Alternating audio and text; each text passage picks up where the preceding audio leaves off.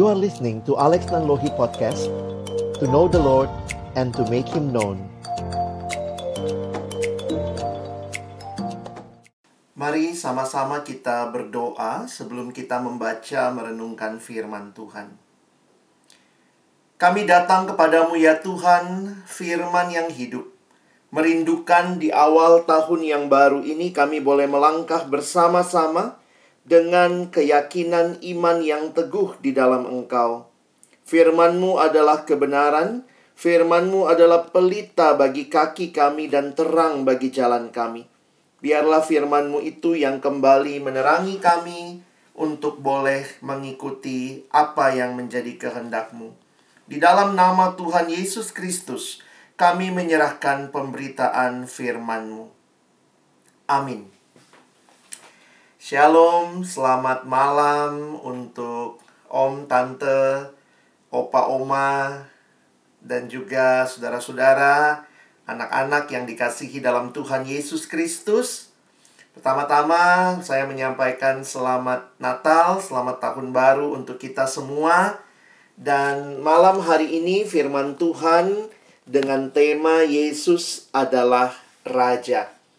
Bagian firman Tuhan yang kita baca tadi yang dibacakan oleh adik-adik dari Matius pasal yang kedua ayat 1 sampai 12 merupakan satu bagian yang sering kali ketika Natal dibacakan. Nah, tapi mari kita kembali melihat sesuai dengan tema yang saya angkat malam hari ini, Yesus adalah raja. Apa yang muncul di benak saudara tentang gambaran seorang raja. Mungkin buat kita yang hidup di alam demokrasi seperti sekarang, di mana sudah tidak biasa raja itu memerintah, kita biasanya punya presiden, punya menteri, punya gubernur, punya wali kota. Tetapi waktu bicara raja, apa yang muncul di benak kita? Mungkin yang muncul adalah gambaran orang yang memerintah dengan tangan besi yang menjadi gambaran tentang seorang yang duduk di atas tahta dan kemudian memerintah rakyatnya dengan berbagai kemungkinan. Tapi kalau kita memperhatikan bagaimana bicara tentang Yesus, sering kali kita lupa bahwa Yesus itu adalah raja.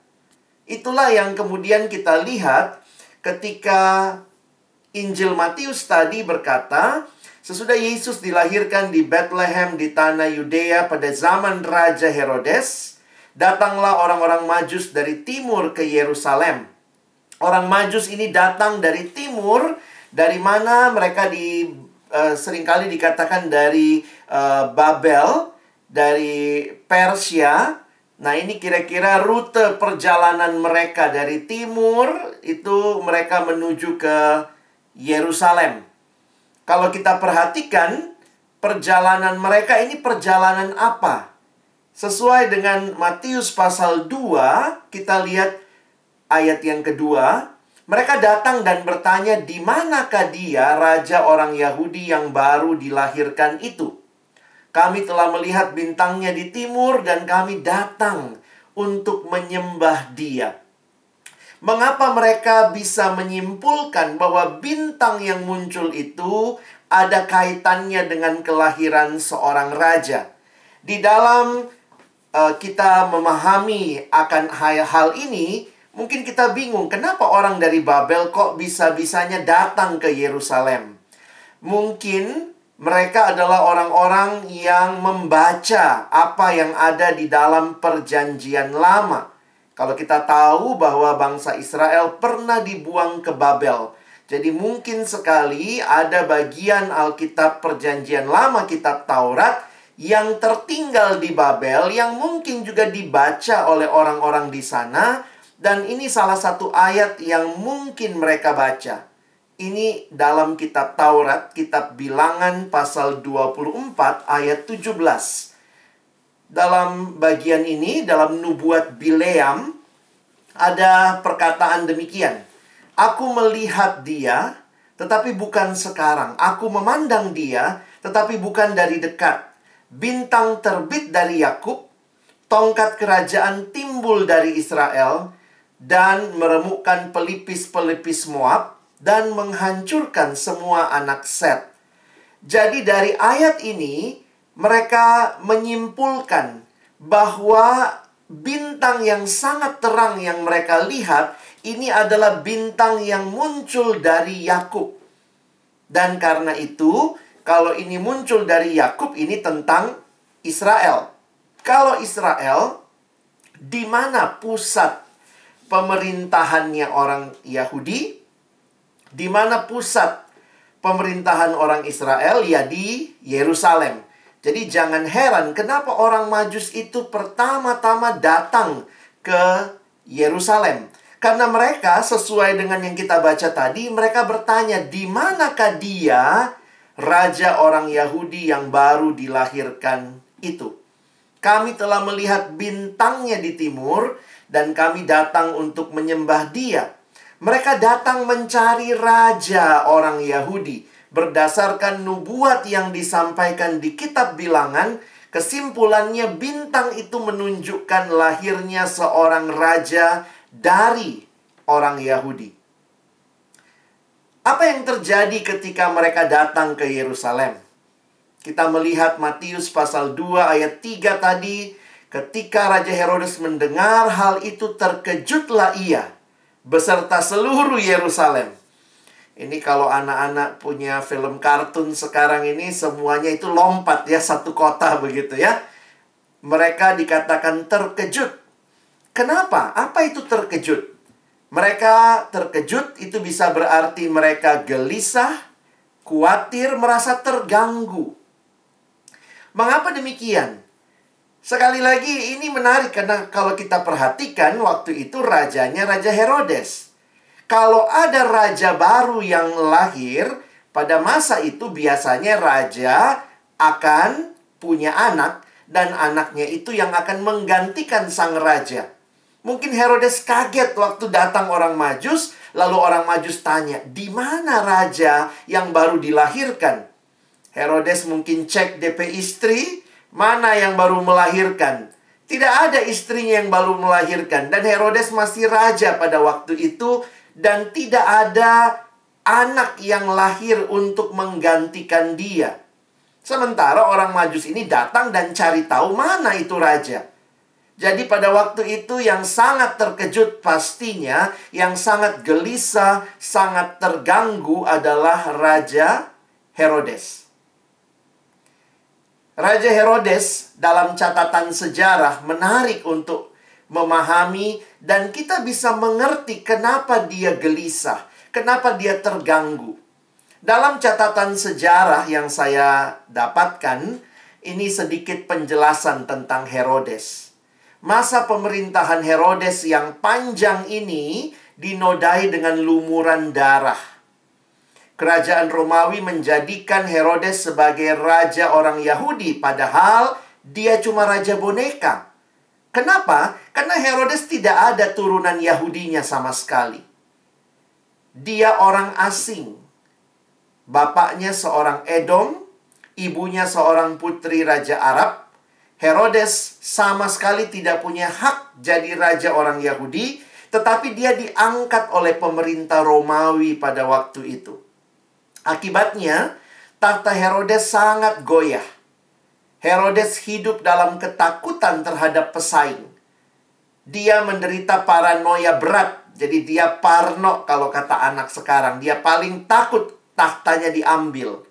Jika ia melihat orang yang dianggap atau dicurigai sebagai pesaingnya, orang itu segera dihabisinya. Oh, ini bukan cuma isapan jempol. Dalam catatan sejarah dituliskan ini orang-orang yang dia bunuh dia bunuh istrinya Mariana. Dia bunuh ibunya Alexandra. Dia bunuh tiga putranya Aristobulus, Alexander, dan Antipater. Dia juga bunuh lebih dari setengah anggota Sanhedrin. Sanhedrin itu mahkamah agama orang Yahudi isinya kira-kira 70 orang. Setengahnya dia bunuh. Dan dia juga bunuh banyak pamannya, saudara sepupunya, dan kerabat lainnya. Kenapa? Supaya dia tetap jadi raja. Jadi jangan heran waktu ada orang Majus datang dan tanya sama Herodes, di mana raja yang baru lahir itu? Dia pasti sangat terkejut, sangat gelisah. Bahkan di dalam catatan sejarah ada yang bernama Yosefus, seorang penulis sejarah Yahudi, dia menulis bahwa Herodes itu monster yang tidak punya belas kasihan. Kaisar Agustus sampai mengatakan, lebih aman menjadi babi Herodes ketimbang jadi putranya. Jadi memang Herodes ini sangat takut kalau ada raja lain. Mungkin kalau kita baca sejarah ini kita bilang, oh Dodo, rupa apa ini Herodes ini ya. Mari kalau kita lihat sama-sama. Reaksi Raja Herodes terhadap kehadiran Kristus sesungguhnya adalah cerminan kita semua manusia yang sudah jatuh dalam dosa. Dalam dosa manusia merasa dirinya lah segala-galanya. Manusia pikir dalam dosa saya rajanya. Padahal manusia selalu lupa dirinya bukan raja. Kita bukan raja. Allah yang adalah raja. Jadi waktu ada yang datang tanya sama Herodes, di mana raja yang baru lahir itu? Oh, Herodes sangat tergoncang. Kenapa? Karena di dalam tahta raja hanya boleh ada satu raja yang duduk. Tidak bisa ada dua raja, pangku-pangkuan di tahta itu. Tidak bisa. Saya mengutip kalimat seorang penulis buku bernama Timothy Keller. Dia berkata, only one person can sit on the absolute throne. Hanya satu raja yang bisa duduk di tahta yang sesungguhnya. Nggak bisa dua raja duduk sama-sama. Tidak mungkin. Only one king. The true king. Jadi sebenarnya kalau kita menyadari bahwa Yesus adalah raja, maka ini konsekuensinya. Jika Yesus adalah raja dalam hidup kita, maka saya harus turun tahta. Kalau yang kita sambut pada waktu kita merayakan Natal, Yesus yang adalah Raja. Jangan pikir dia cuma bayi kecil, mungil, tetapi dia juga dikatakan raja. Dan kita menyadari dia raja di atas segala raja. Maka kalau dia raja, kita sambut dia dalam hidup kita, maka kita harus turun tahta. Tidak bisa dua raja duduk di tahta yang sama. Mau siapa rajanya? Yesus atau kita. Memang banyak orang cuma mau Yesus dalam hidupnya sebagai konsultan, ya. Banyak orang mau Yesus hanya sebagai konsultan. Ya, kalau saya punya masalah, datang konsultasi, minta nasihat sama Yesus. Tidak banyak yang mau menjadikan dia raja. Kenapa? Karena kalau betul dia raja, kita harus turun tahta. Dan kita sebenarnya dalam dosa, kita tidak pernah rela turun tahta. Kadang-kadang kalau anak sekarang lihat status di Instagram, di Facebook, langsung like. Tapi waktu kita berhadapan dengan Yesus, dia nggak bisa cuma di like. Oh, saya suka dia. Tidak bisa.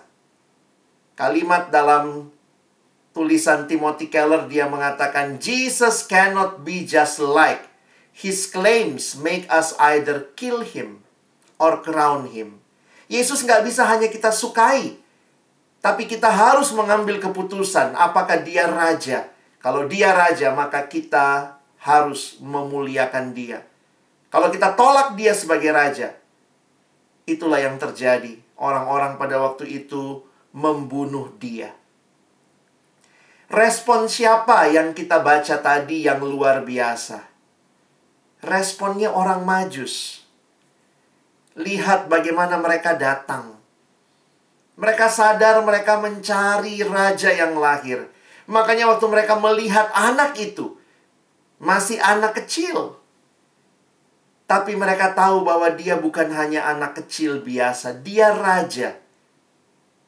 Lalu dikatakan mereka sujud menyembah Dan bukan hanya itu, mereka mempersembahkan seluruh harta bendanya, yaitu emas, kemenyan, dan mur. Kalau Yesus adalah raja, apakah kita sungguh-sungguh menyembah Dia? Kalau Yesus adalah raja, apakah kita mau memberikan persembahan yang terbaik kepada raja di atas segala raja? Dan Tuhan tidak minta emas, tidak minta kemenyan, tidak minta mur dari kita. Tuhan tidak minta harta kita, tapi Tuhan minta hidup kita yang kita persembahkan sebagai persembahan hadiah kepada Tuhan yang sudah terlebih dahulu mempersembahkan seluruh hidupnya bagi kita.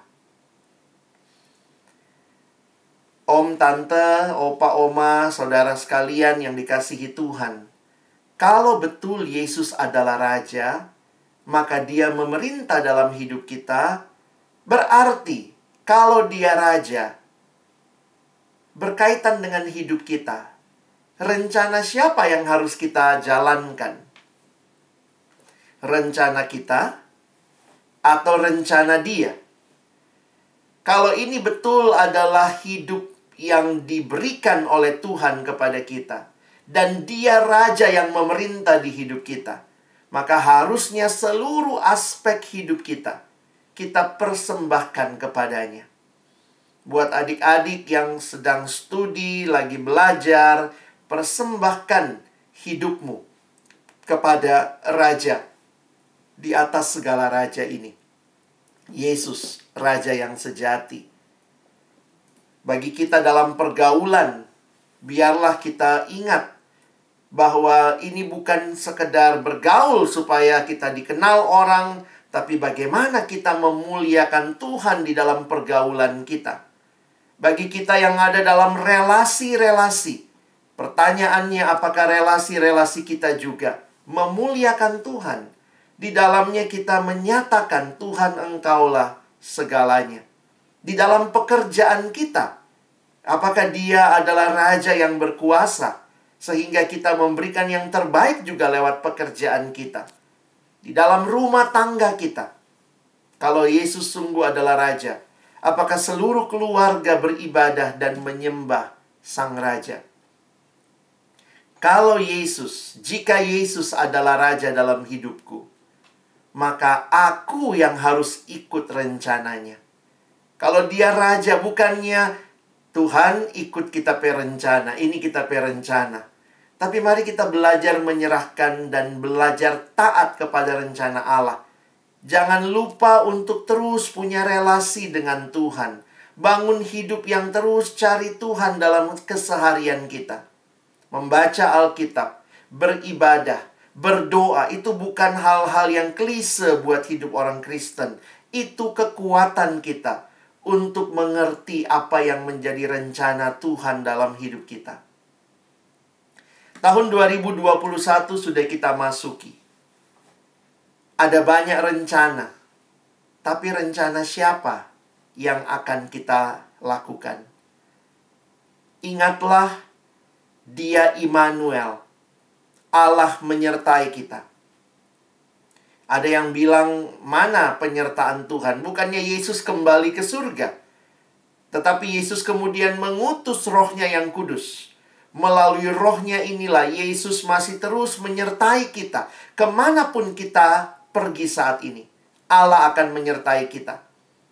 Ingat bahwa Yesus tidak hanya menyertai kita di saat tenang, aman, namun ia menyertai kita pada saat-saat yang paling sulit sekalipun.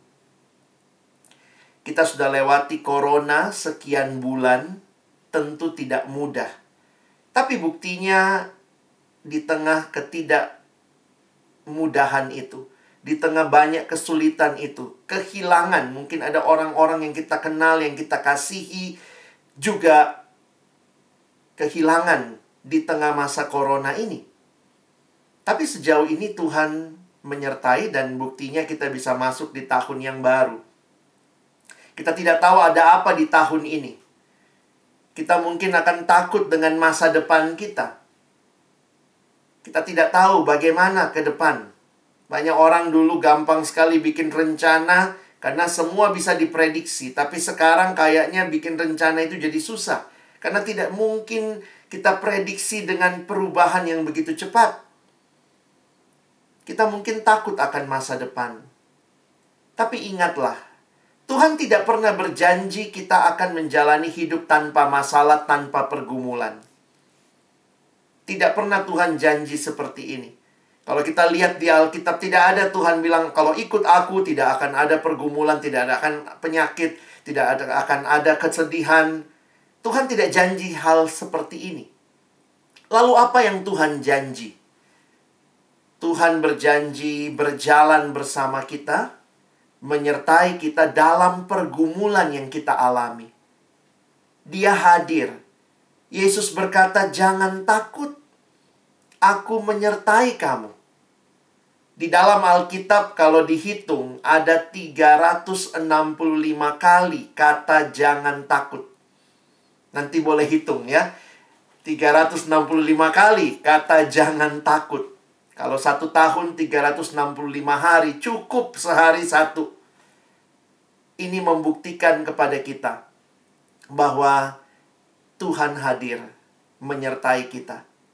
Dan luar biasa, dia bukan cuma manusia yang menyertai kita, tapi dia Allah, dia Tuhan. Dan hari ini kita pelajari, dia Raja.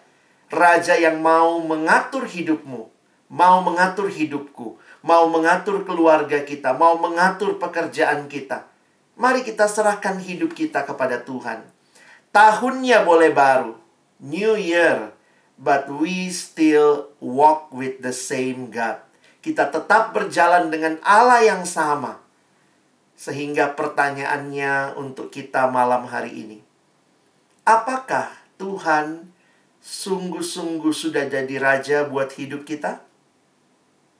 Kalau betul dia adalah raja, maka masukilah tahun ini dengan keyakinan bahwa Tuhan hadir berjalan bersama kita dan tidak meninggalkan kita. Selamat memasuki tahun yang baru bagi seluruh keluarga. Ingatlah, Yesus Raja. Dia berkuasa, dia bertahta, dan dia akan memimpin setiap kita. Amin. Mari kita berdoa. Tuhan Yesus, terima kasih buat firman-Mu Seringkali kami lupa bahwa engkau bukan hanya bayi mungil yang lahir di waktu Natal, tetapi engkau juga adalah Raja yang berkuasa di dalam hidup kami. Karena itu tahun yang masih begitu gelap bagi kami. Kami tidak tahu apa yang akan terjadi bagi kami di depan. Tapi satu hal yang kami yakin, kami percaya Tuhan ada. Tuhan tidak meninggalkan kami, engkau berjalan bersama dengan kami. Karena itu, biarlah kami menyerahkan kehidupan pribadi demi pribadi, keluarga demi keluarga, bahkan pergumulan bangsa dan negara, bahkan dunia ini, kepada tangan kasih-Mu, ya Raja yang berkuasa.